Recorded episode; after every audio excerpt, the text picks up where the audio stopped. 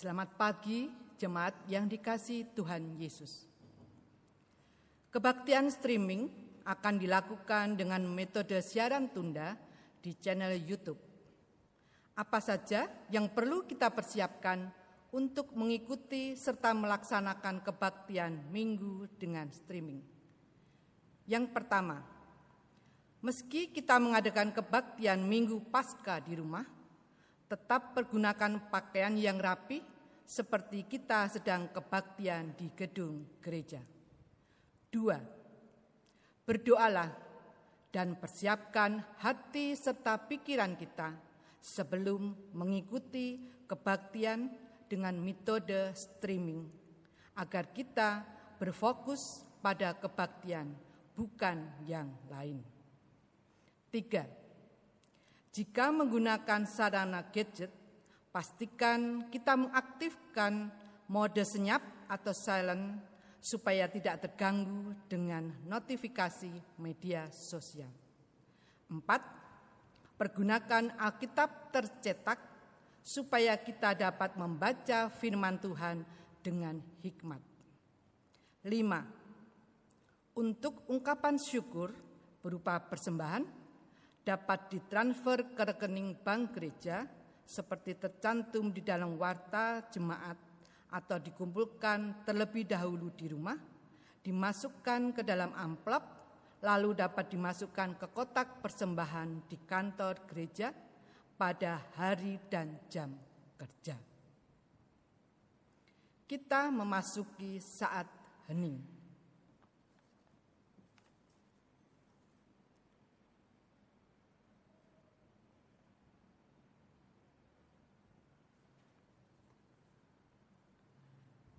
Hari ini adalah hari yang istimewa, karena saat ini kita merayakan kemenangan Tuhan Yesus Kristus atas kuasa maut.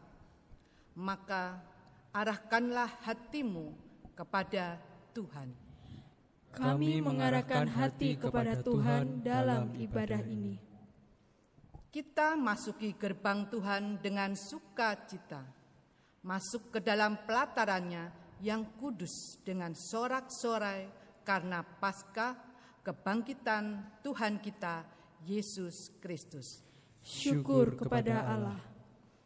Kita puji muliakan Tuhan Yesus Sang Raja yang hidup. Sekarang dan sampai selamanya.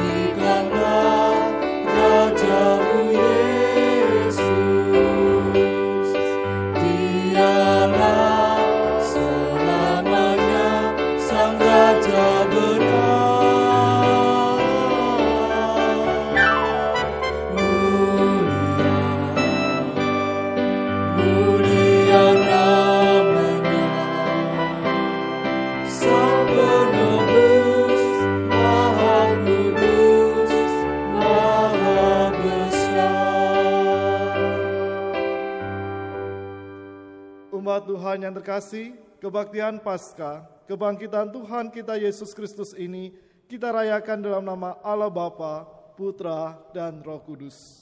Amin. Amin. Kasih karunia dari Allah Bapa kita dan dari Tuhan Yesus Kristus menyertai saudara sekalian.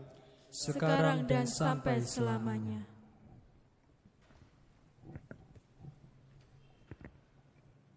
Saudara-saudara yang terkasih di dalam Kristus, hidup manusia diapit dua keadaan dalam tiap harinya, takut dan gembira. Begitulah kehidupan silih berganti mewarnai kita, takut dan gembira. Dalam berita kebangkitan Yesus dalam Injil Matius minggu ini juga memuat dua keadaan dalam diri Maria Magdalena dan Maria yang lain saat menengok kubur Yesus. Mereka takut saat gempa bumi dan malaikat Tuhan turun menggulingkan batu itu. Namun di sisi yang lain, setelah diberitakan bahwa Yesus telah bangkit dan diperintah malaikat Tuhan untuk mengabarkan pada murid-murid Yesus, maka bersukacitalah hati mereka. Mereka segera pergi dari kubur itu dengan takut dan dengan sukacita yang besar. Dan apa yang terjadi pada mereka adalah pergi membawa dan akan memberitakan berita kebangkitan Yesus itu dengan perasaan takut dan sukacita yang besar. Perayaan Paskah di satu sisi adalah perayaan sukacita yang besar, namun di sisi yang lain juga secara kemanusiaan diliputi rasa takut. Yang paling penting bahwa setiap orang percaya diajak dan diutus untuk pergi memberitakan bahwa Yesus telah bangkit. Kita pujikan Kidung Jemaat nomor 194 bait 1 hingga yang ketiga. Diko yang bangkit maha mulia.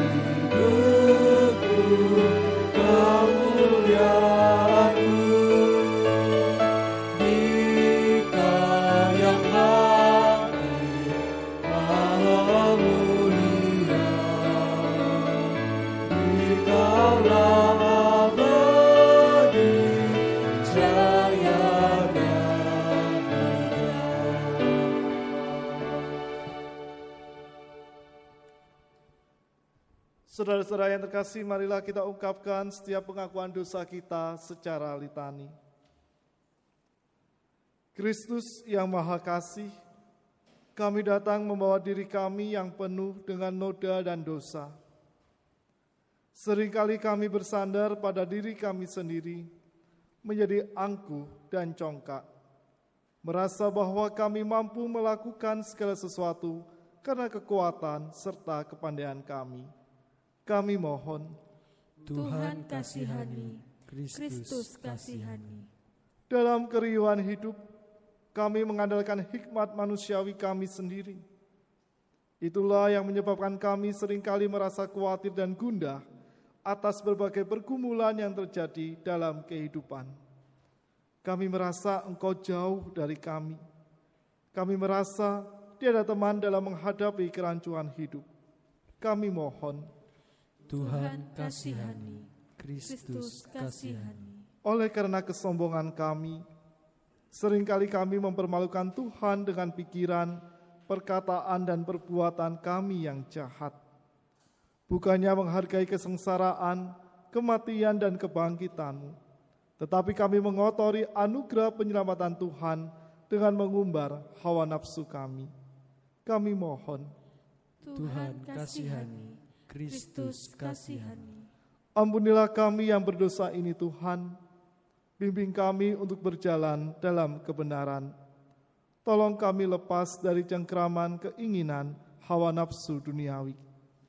Ajarlah kami meneladan Yesus Sang Guru, sehingga hati kami senantiasa dilingkupi damai sejahtera. Kami mohon, Tuhan kasihani kami. inilah seluruh pengakuan dosa yang kami ungkapkan dalam kerendahan hati. Di dalam namamu kami berserah. Amin.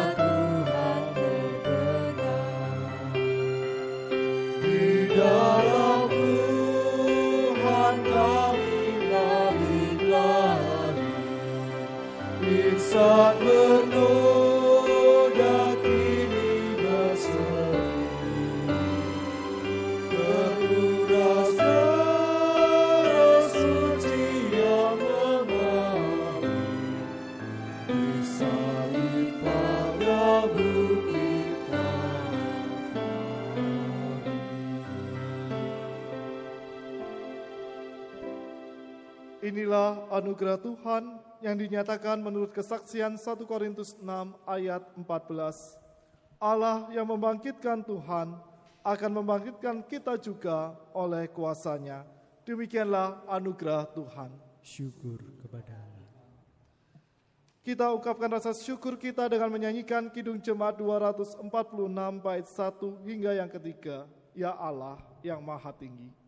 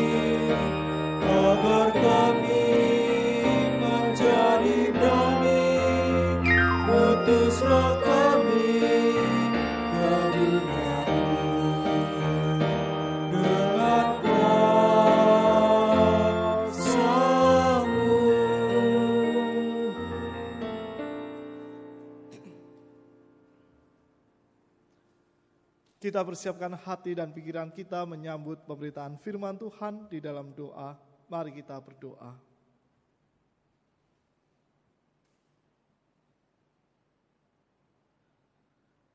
Bapa yang makasih kami mengucap syukur ketika kami kembali mendapat kesempatan untuk mengenang dan merayakan kebangkitanmu yang menyelamatkan kami dari setiap dosa, kebangkitanmu yang menghadirkan pengharapan untuk kami melangkah dengan teguh dalam setiap perjuangan iman kami dalam hidup sehari-hari.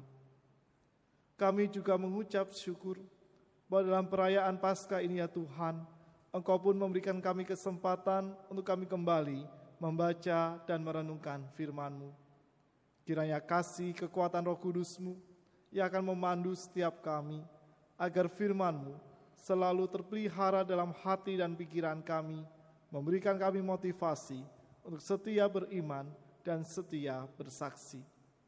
Di dalam nama Tuhan kami Yesus Kristus, kami siap menerima firman-Mu. Amin. Saudara-saudara yang terkasih, bacaan kita pada Minggu Paskah ini diambil dari Matius 28 ayat 1 sampai 10.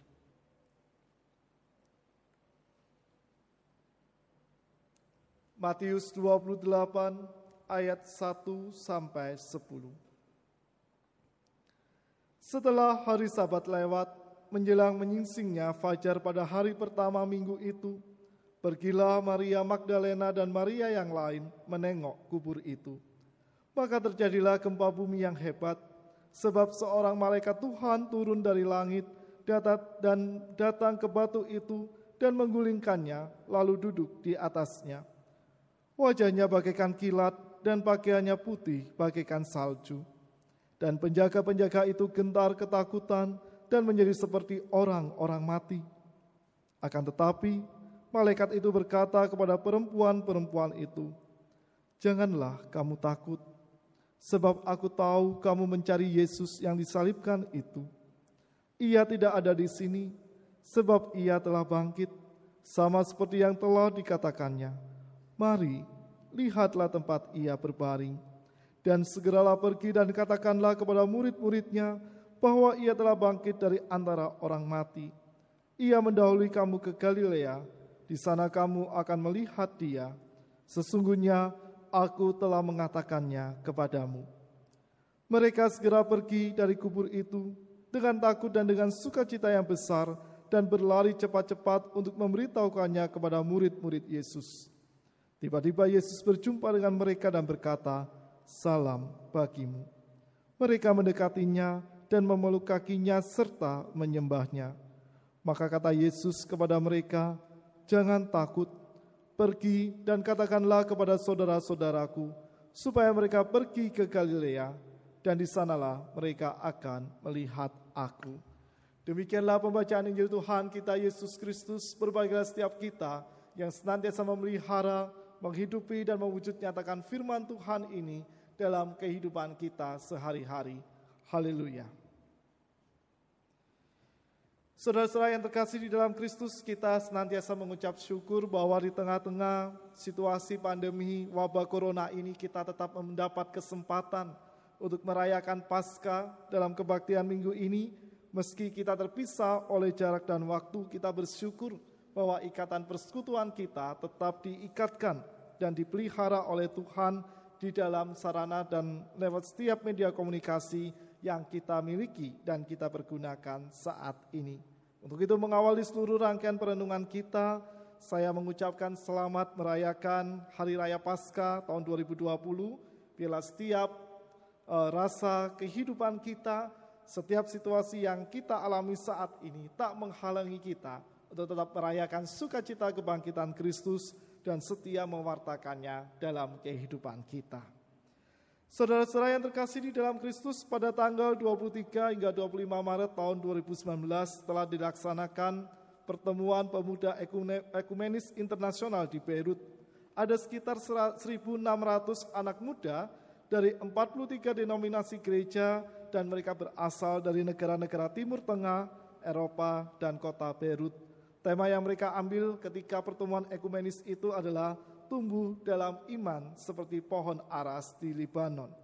Saudara-saudara yang terkasih, ada satu cerita menarik dari seorang bruder dari Indonesia yang dibagikan dalam grup WhatsApp atau grup WA doa TC bahwa dalam sebuah pertemuan kelompok kecil seorang pemudi bernama Sarah yang berasal dari Aleppo, yaitu negara Suria, berkata dan bercerita demikian.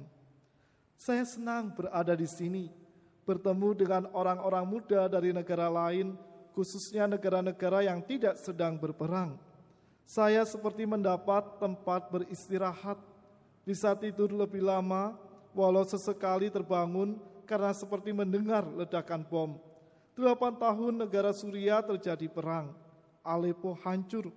Setiap hari bunyi ledakan, saya dan keluarga sangat ketakutan.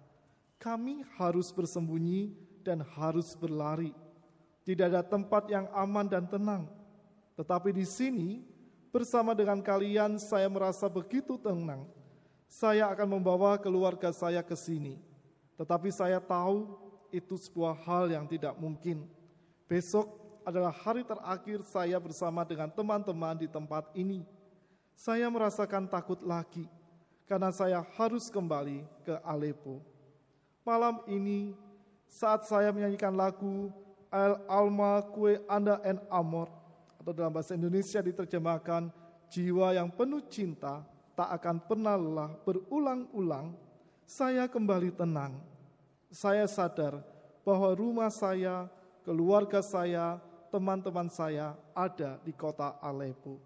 Saya membayangkan akan berlari dan bersembunyi lagi, tapi sekarang saya tak akan pernah lelah saya menjadi tenang. Saya percaya akan cinta Tuhan. Doa-doa teman-teman akan senantiasa menopang kami, saya, keluarga, teman-teman dan masyarakat yang ada di kota Aleppo. Suatu saat saya percaya bahwa Aleppo akan penuh damai. Saudara-saudara yang terkasih ketika saya pertama kali membaca cerita ini, saya mencoba untuk membayangkan apa yang terjadi di kota Aleppo dengan cerita yang diungkapkan oleh Sarah ini. Tentu ketika kita, bagi kita yang mungkin pernah mengalami atau tinggal di sebuah daerah yang penuh konflik, kita bisa merasakan bahwa apa yang dialami oleh Sarah menimbulkan sebuah ketakutan, menimbulkan kekhawatiran dan kegundahan hati, sehingga Sarah pun tidak hanya sekedar bersembunyi dan berlari, tetapi dia harus menghadapi setiap ketakutan itu dengan hati yang berdebar-debar dan juga dengan sebuah situasi yang tidak nyaman di dalam kehidupannya. Bukankah hal yang sama pun juga tentu kita alami meski situasinya berbeda dengan apa yang dialami oleh Sarah. Tentu dalam setiap ketakutan dan kekhawatiran yang pernah kita alami, kita akan merasa bahwa kita tidak lagi memiliki tempat untuk berlindung. Kita tak lagi memiliki tempat untuk kita bisa bersembunyi dengan aman. Karena dalam setiap ketakutan yang kita alami itu, kita harus berpikir dengan keras ke mana lagi aku harus bersembunyi dan ke mana lagi aku harus menyelamatkan diriku supaya aku terhindar dari setiap ancaman yang membuatku menjadi takut. Tetapi hal yang menarik yang bisa kita temukan dari cerita yang diungkapkan oleh Sarah tadi adalah di pernyataan terakhir yang ia sampaikan kepada teman-teman dalam kelompok kecil di pertemuan ekumenis tersebut. Saya akan tetap berlari saya akan tetap bersembunyi, tapi saya takkan pernah lelah lagi, saya tenang. Bahwa Sarah pun ketika menyadari bahwa pertemuan ekumenis di Beirut itu hanya situasi yang aman dan nyaman untuk sementara waktu, dan ketika pertemuan itu berakhir ia harus kembali ke kota Aleppo, maka Sarah sadar bahwa dia harus berproses kembali dengan situasi yang tidak aman dan tidak nyaman yang harus dihadapinya. Tetapi ketika ia mampu mengatakan, saya takkan pernah lagi, saya akan tenang kembali, maka hal yang menyebabkan Sarah bisa mengungkapkan hal itu karena Sarah telah memiliki cinta Tuhan. Bukankah apa yang dialami oleh Sarah pun ketika kita beroleh cinta kasih Tuhan juga akan senantiasa membuat kita kembali tenang. Situasi takut, situasi khawatir yang kita alami ketika cinta Tuhan itu menyapa dan merengkuh kehidupan kita, maka kita pun akan merasa gembira kembali. Karena itulah realitas kehidupan yang harus dihadapi oleh setiap manusia yang hidup di dunia yang fana ini, bahwa kehidupan manusia diapit oleh dua keadaan dalam kesehariannya, yaitu keadaan takut dan keadaan gembira atau keadaan tenang. Saudara-saudara yang terkasih, kisah kebangkitan Yesus dalam Matius 28 ayat 1 sampai 10 ini adalah peristiwa yang melibatkan kekuatan alam dan dahsyat yang mengiringi kehadiran malaikat. Sama dahsyatnya dengan suasana kematian Yesus di mana kegelapan menguasai keadaan waktu itu dan diikuti gempa bumi yang membuat tabir bait suci terbelah dua dari atas. Sampai juga terbelah ke bawah dan juga bukit-bukit batu yang terbelah semuanya. Itu bisa kita lihat di Matius 27 ayat yang ke-51. Namun di sisi dasarnya berita kebangkitan Yesus itulah justru berita itu diserahkan oleh malaikat yang menjumpai Maria Magdalena dan Maria yang lain yang ketika itu hatinya sedang aduk campur antara ketakutan dan sukacita besar untuk menyampaikan berita kebangkitan Kristus itu kepada para murid. Kedua perempuan itu pun di tengah segala ketakutan mereka, karena mereka pun khawatir situasi sudah tidak aman lagi pasca peristiwa penyalipan Kristus, mereka menjadi orang-orang yang diburon oleh pemerintahan kerajaan Romawi maupun juga oleh para pemimpin agama Yahudi. Mereka menjadi orang-orang yang paling dicari oleh seluruh masyarakat Yahudi karena mereka ikut andil dalam setiap pelayanan dan juga setiap pengajaran yang disampaikan oleh Kristus dan itu membuat para pemimpin agama Yahudi menjadi terancam keberadaannya, di situasi seperti itulah mereka tetap menyampaikan kabar yang membuat mereka bersuka cita, sekaligus juga mereka membuat mereka takut. Mereka harus berlari cepat-cepat, seolah tidak sabar untuk memberitakan berita itu kepada murid-murid Yesus yang lain. Namun sebelum mereka bertemu dengan para murid, Kristus menampakkan diri kepada kedua perempuan itu dan memberikan salam, salam bagimu. Saya membayangkan bahwa karena Kristus adalah orang Yahudi, ia dalam posisi sebagai manusia, ia juga belajar tentang bahasa Yahudi, maka saya membayangkan bahwa salam yang disampaikan oleh Kristus itu berkata, Shalom, damai sejahtera bagimu. Artinya dalam perjumpaan yang dialami oleh kedua perempuan ini dengan Kristus dan juga ketika mereka mendengarkan salam yang disampaikan oleh Kristus tersebut membuat mereka yang ada dalam ketakutan sekaligus juga sukacita yang mungkin ketakutannya lebih besar dari sukacita yang dialami membuat mereka kembali tenang, membuat mereka teduh dan membuat mereka menjadi sangat bergembira.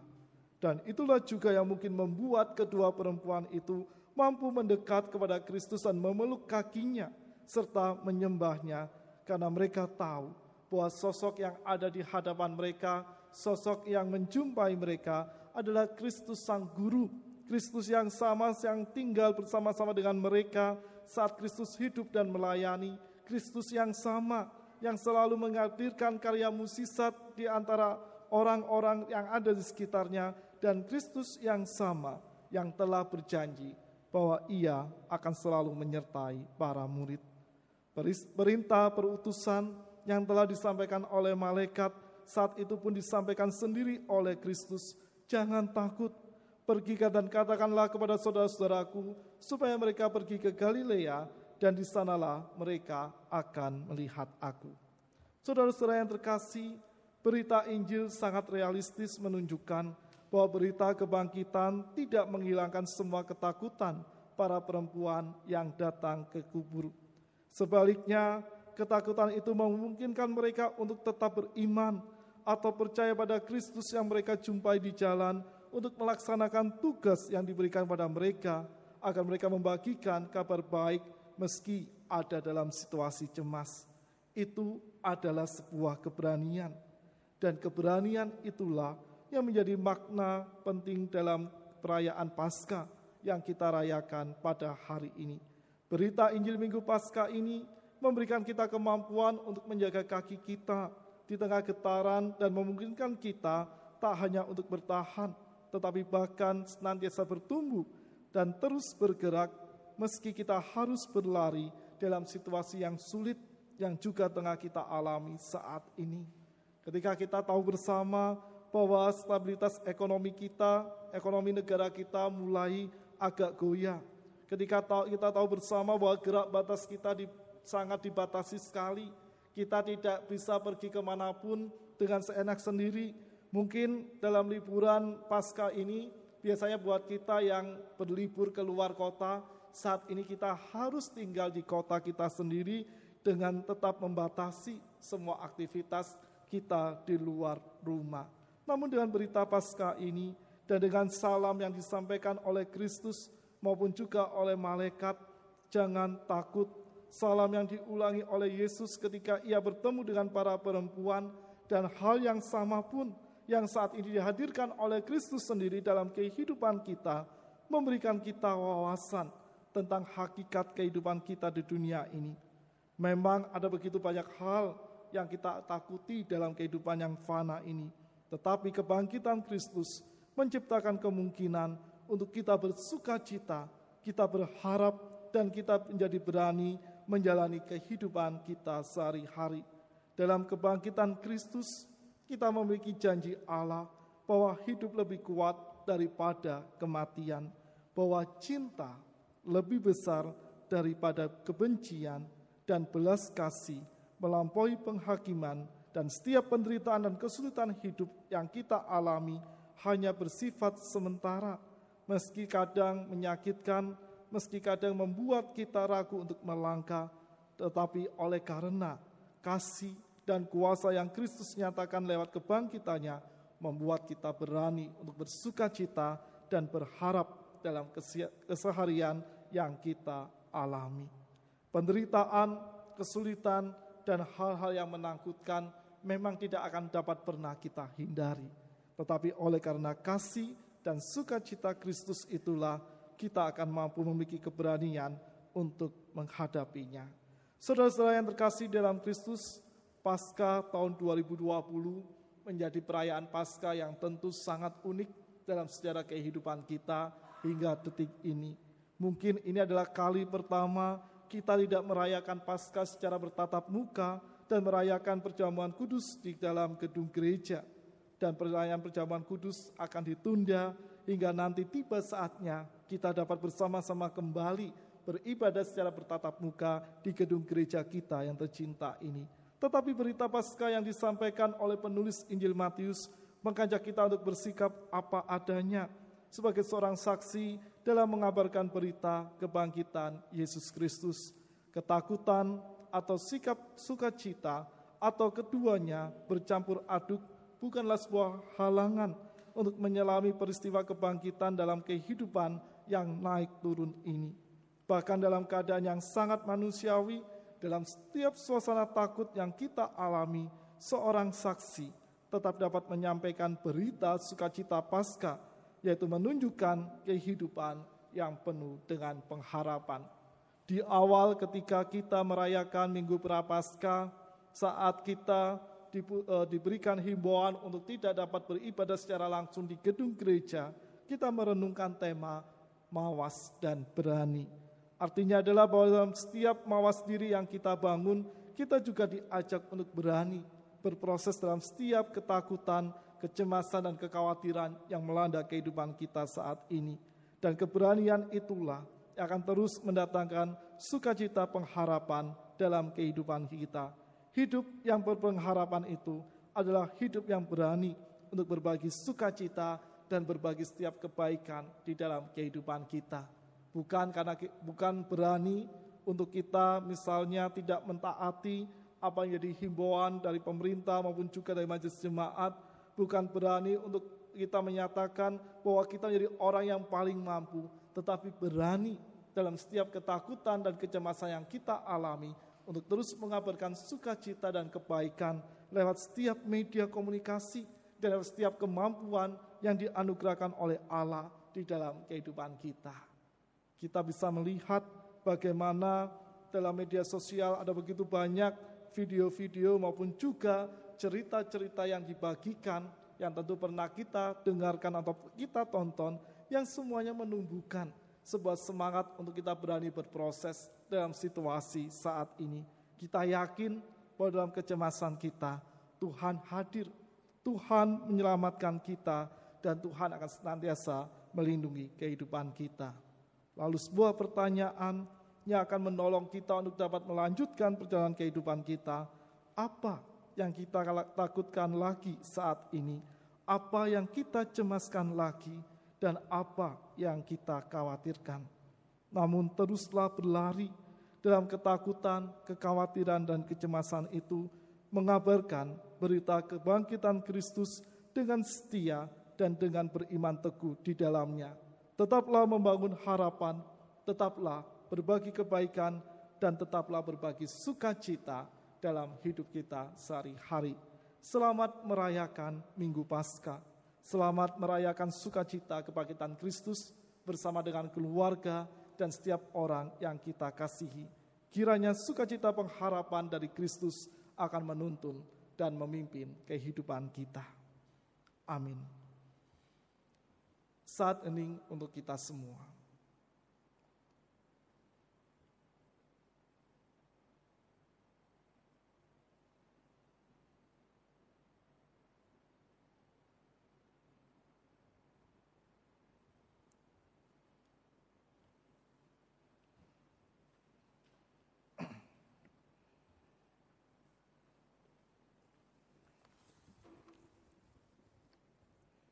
Umat Tuhan diundang untuk berdiri. Bersama dengan umat Allah di sepanjang masa dan di segala tempat, kita ikrarkan pengakuan iman kita dengan mengucapkan pengakuan iman rasuli yang demikian. Aku, percaya pada Allah, Bapa yang Maha Kuasa, Kalik langit dan bumi, dan kepada Yesus Kristus, anaknya yang tunggal Tuhan kita, yang dikandung dari roh kudus, lahir dari Adara Maria, yang menderita sengsara di bawah pemerintahan Pontius Pilatus, disalibkan, mati dan kuburkan, turun ke dalam kerajaan maut. Pada hari yang ketiga, bangkit pula dari antara orang mati, naik ke surga, duduk sebelah kanan Allah, Bapa yang Maha Kuasa, dan dari sana ia akan datang untuk menghakimi orang yang hidup dan yang mati. Aku percaya pada Roh Kudus, gereja yang kudus dan am, persekutuan orang kudus, pengampunan dosa, kebangkitan orang mati, dan hidup yang kekal. Amin. Dipersilahkan duduk kembali.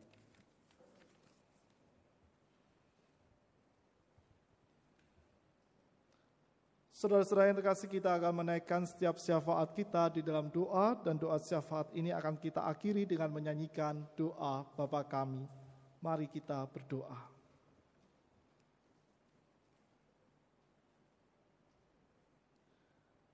Bapa yang makasih saat ini kami mengucap syukur bahwa dalam minggu pasca tahun 2020 yang sangat unik kami rayakan dan juga dalam setiap keterbatasan kami, keterpisahan jarak maupun waktu, Engkau tetap memberikan kami waktu untuk kami bersekutu bersama melalui setiap media komunikasi yang kami miliki.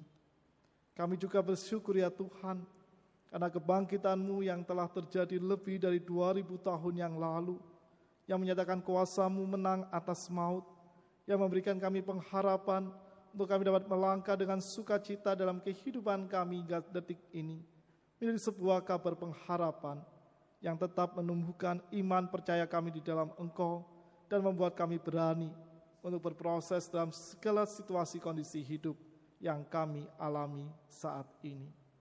Dan dalam segala rasa syukur kami, karena segala pengharapan yang Engkau hadirkan tersebut ya Tuhan, kami menaikkan setiap syafaat kami. Kami terus berdoa segala pergumulan yang dihadapi oleh bangsa negara kami, maupun juga oleh Provinsi Jawa Timur dan kota kami tercinta, kota Madiun, khususnya dalam penanganan wabah corona. Kiranya Engkau akan senantiasa menolong setiap usaha yang dilakukan oleh pemerintah maupun juga oleh para relawan, bersama dengan tim medis dan para medis, di mana mereka berjuang di garda terdepan untuk segera dapat mempercepat penanganan wabah corona ini. Kiranya kau akan senantiasa memberkati dan melindungi mereka, agar dalam setiap usaha dan perjuangan yang mereka lakukan, mereka akan beroleh kekuatan dan semangat dari engkau, tetap bersuka cita dalam menjalankan misi kemanusiaan ini. Kami juga berdoa ya Tuhan untuk setiap pasien yang dinyatakan positif mengidap virus COVID-19 ini. Kira kau juga akan senantiasa menolong dan memimpin mereka di dalam segala proses penyembuhan dan proses pemulihan yang mereka jalani. Demikian juga untuk setiap pasien dalam status PDP, ODP maupun juga orang-orang yang dinyatakan dalam status ODR. Biarlah dalam setiap situasi yang mereka hadapi, mereka tetap tegar menjalaninya dan mereka senantiasa terus bergantung dalam kuasa dan pengharapan di dalam Engkau. Kami juga berdoa ya Tuhan untuk seluruh anggota keluarga dari pasien meninggal karena COVID-19 ini. Kiranya kau juga akan selalu memberikan penghiburan dan pengharapan di dalam diri mereka. Agar mereka tetap terus setia menjalani hari-harinya dan mereka selalu berserah di dalam engkau. Juga untuk kondisi perekonomian negara kami yang sangat terdampak oleh karena wabah corona ini ya Tuhan. Kiranya Kau juga akan senantiasa memberkatinya dan memberikan kesempatan kepada kami untuk menjalani pemulihan dan menyetabilkan kembali ya Tuhan kondisi perekonomian negara kami, agar kami dapat kembali bangkit dari keterpurukan ini, serta kami ya Tuhan tetap dapat saling mendukung dan saling menopang satu dengan yang lain dalam setiap situasi sulit yang tengah melanda bangsa dan negara kami. Ajarlah kami sebagai bagian dari anggota masyarakat untuk bersama-sama menunjukkan setiap kepedulian, sukacita, dan kebaikan yang sebagaimana telah Engkau anugerahkan dalam diri kami untuk kami bagikan kepada orang-orang yang ada di sekeliling kami. Bapak yang makasih kami juga berdoa dan menyerahkan untuk kehidupan bergereja kami. Kami berdoa untuk kehidupan persekutuan dan pelayanan yang senantiasa Engkau berikan dalam kehidupan bergereja kami. Kiranya Tuhan dan setiap kehidupan persekutuan dan pelayanan tersebut kami mampu terus belajar, saling mendukung dan saling menopang, serta biarlah dalam setiap kepedulian yang kami hadirkan di tengah-tengah kehidupan internal jemaat maupun juga dalam kehadiran gerejamu di tengah-tengah lingkungan di mana gereja ini berada akan menjadi kabar sukacita bagi setiap orang yang berjumpa dengan kami maupun juga bagi ciptaan-ciptaanmu yang lain. Kami pun juga berdoa ya Tuhan untuk pertumbuhan pos jemaat caruban maupun juga pertumbuhan Yayasan Kristen Petra yang menjadi bagian dari pelayanan pendidikan kami di tengah-tengah kota Madiun ini. Kiranya apa yang telah kami bangun dan apa yang akan senantiasa kami perjuangkan akan terus setia kami lakukan ya Tuhan dalam kehendak kasih-Mu. Kami sadar bahwa kami tak mampu melakukannya seorang diri. Untuk itu kiranya kekuatan kasih-Mu yang akan terus membimbing dan menyemangati kami agar kami tetap setia dan menjalankan misi kasih-Mu melalui pos jemaat Caruban maupun juga melalui sekolah Kristen Petra Madiun. Kami mengucap syukur untuk masa raya Paskah yang tetap dapat kami lakukan ini. Kami bersyukur untuk setiap panitia dan juga untuk setiap anggota majelis jemaat maupun juga tim multimedia yang mampu merancang dan melaksanakan kebaktian secara daring ini ya Tuhan. Kiranya Engkau akan senantiasa memberkati kehidupan pelayanan mereka dalam segala situasi kondisi yang mereka jalani. Kiranya mereka akan selalu beroleh karya kebaikan-Mu dan selalu terlindungi dalam kasih sayang-Mu. Bapak yang makasih kami juga berdoa untuk saudara-saudara kami yang saat ini ada dalam kondisi lemah tubuh, baik mereka yang ada dalam masa perawatan di rumah sakit maupun juga masa pemulihan di rumah masing-masing. Kiranya Tuhan, cinta kasih-Mu yang akan senantiasa merengkuh kehidupan mereka. Agar dalam segala perawatan dan pemulihan yang dijalani, mereka tetap bersemangat menjalaninya, selalu tabah dan tegar, dan berserah di dalam Engkau. Sertalah juga ya Tuhan segala obat-obatan yang dipergunakan, dan juga setiap peralatan medis yang dipakai. Biarlah semua itu akan mampu menjadi sarana kesembuhan dari Engkau juga untuk seluruh anggota keluarga yang setia merawat dan mendampingi, kiranya kasih setiamu yang akan senantiasa memimpin dan menuntun mereka, agar dalam segala pendampingan diberikan, mereka tetap terus berharap dan berserah di dalam engkau. Kami juga mengingat untuk keluarga-keluarga yang saat ini sedang berduka, keluarga almarhumah Ibu Sumartin, maupun juga keluarga Ibu Sumini, istri dari almarhum Bapak Christopher Joharis yang telah engkau panggil pulang ke rumahmu yang ada di surga. Kira dalam segala kedukaan dan kesedihan yang mereka alami, mereka tetap dapat terus beroleh penghiburan dan kekuatan dari engkau. Sehingga melalui penghiburanmu itulah ya Tuhan, yang akan memampukan keluarga-keluarga yang berduka ini untuk mereka teguh dan mereka tetap beriman di dalam engkau, serta setia berproses dalam seluruh kesedihan yang mereka alami. Dan kiranya pula melalui kehadiran penghiburanmu itu akan membuat mereka untuk terus berharap bahwa hari depan mereka penuh dengan rencanamu yang terbaik dan hari depan mereka akan senantiasa penuh dengan segala penyertaan dan cinta kasihmu. Kami juga berdoa untuk setiap anggota keluarga maupun juga anak-anak dan para cucu kami yang saat ini ada di luar kota Madiun dan mereka tidak dapat pulang ke kota Madiun. Kiranya Kau akan senantiasa memberkati mereka dalam setiap proses studi, karya, maupun juga pencarian pekerjaan yang tengah mereka perjuangkan. Kiranya Tuhan dalam segala kondisi hidup yang mereka jalani, mereka akan senantiasa terlindungi di dalam Engkau dan selalu beroleh kekuatan kasih sayangmu. Kami pun juga ingin menyerahkan akan seluruh pergumulan kami, pribadi lepas pribadi, dalam kehidupan kami sehari-hari. Kami memohon kiranya kekuatanmu, yang akan menuntun dan menyertai kami, agar dalam seluruh bagian hidup yang kami proses ya Bapa, kami selalu berserah di dalam Engkau dan senantiasa beroleh hikmat dan cinta kasih-Mu. Sesaat lagi kami akan melanjutkan seluruh langkah siara liturgi kehidupan kami sehari-hari. Kiranya damai sejahtera-Mu yang akan senantiasa menolong dan menuntun kami, serta damai sejahtera-Mu yang akan membuat kami untuk terus melangkah dalam setiap pengharapan. Inilah segala ungkapan syukur dan permohonan kami yang kami panjatkan di dalam nama Tuhan kami Yesus Kristus, Tuhan yang telah mengajar, kami berdoa demikian.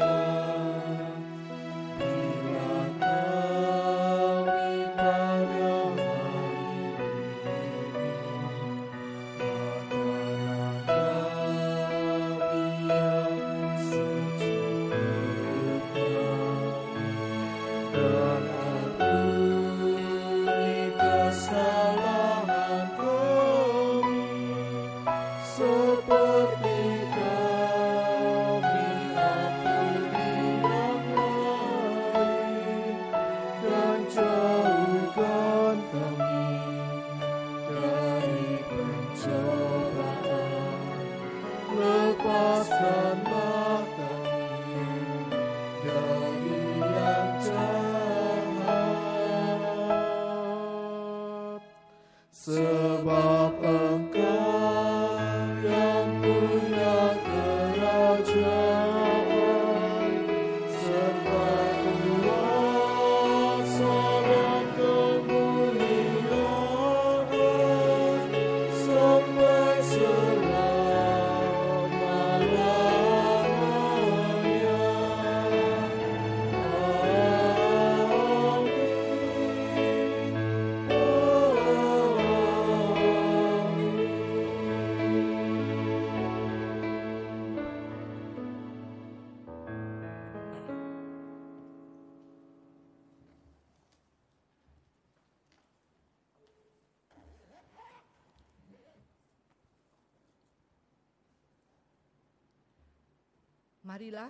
kita menghaturkan persembahan kepada Tuhan. Sebab wujud syukur kita atas berkatnya, demikian juga sebagai tanda penyerahan diri kita atas rahmat Tuhan. Dengan mengingat sabda Tuhan yang tertulis dalam kitab Roma pasal 11 ayat 36 yang berbunyi demikian. Sebab segala sesuatu adalah dari dia, dan oleh Dia dan kepada Dia. Bagi Dialah kemuliaan sampai selama-lamanya. Kita pujikan PKJ 216 bait 1 sampai 5.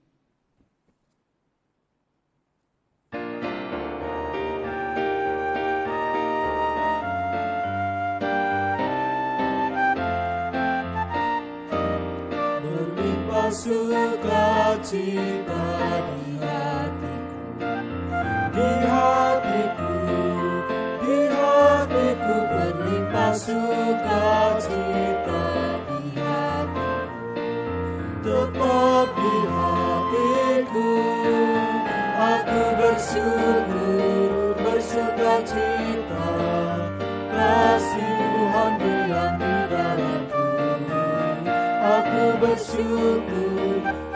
sukacita kasih Tuhan diam di dalamku.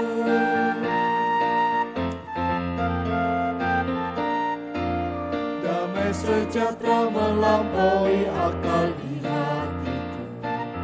Di hatiku di hatiku damai sejahtera melampaui akal di hatiku. Tetap bersyukur, bersuka cita, kasih Tuhan diam di dalamku.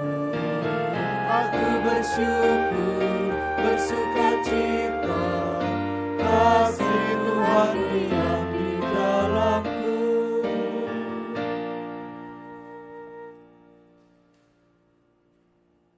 Mari kita bawa persembahan di dalam doa. Puji syukur ya Tuhan Yesus Allah kami, Allah yang selalu mengasihi, Allah yang selalu dan setia memberikan yang terbaik untuk setiap kami. Tuhan Yesus tak henti-hentinya kami mengucap syukur, kami bersuka cita karena penyertaan-Mu, karena berkat Tuhan, dan terlebih karena anugerah Tuhan yang selalu Engkau hadirkan di dalam setiap kehidupan kami. Puji syukur, ya Tuhan Yesus, Engkau telah memberikan kepada setiap kami hingga pada saat ini adalah kasih-Mu, yaitu kekuatan, kesehatan, dan juga berkat dalam kehidupan kami. Dan kami juga mengucap syukur hingga hari ini Tuhan memberikan kesempatan setiap kami untuk dapat memberikan ungkapan syukur kami karena berkat-berkat-Mu. Tuhan Yesus, pada saat ini dengan penuh syukur kami memberikan ungkapan syukur kami dalam bentuk persembahan. Ya Tuhan Yesus, kami mohon dengan tangan kasih-Mu, Engkau urapi, Engkau berkati persembahan kami. Biarlah persembahan kami dapat menjadikan berkat di dalam setiap pelayanan di gereja kami dan terlebih menjadikan berkat untuk memuliakan nama Tuhan Yesus. Bapa, kami mengucap syukur hingga hari ini karena berkat-Mu. Terima kasih Tuhan Yesus dengan segala ungkapan syukur kami. Dan kami serahkan doa ucapan syukur kami, doa harapan kami hanya di dalam nama Tuhan kami, Yesus Kristus. Amin.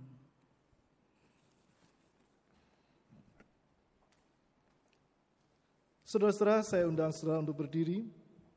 Kini kita akan kembali ke dalam seluruh proses kehidupan kita. Beranilah untuk mewartakan sukacita dan kebenaran firman Tuhan dalam kehidupan sehari-hari. Yakinilah dalam seluruh kekhawatiran, kecemasan, dan ketakutan kita, Allah beserta kita dan Allah telah berpesan agar kita selalu menjadi saksi-saksi kasihnya. Kidung Jemaat 422, bait 1 sampai dengan yang ketiga, Yesus berpesan.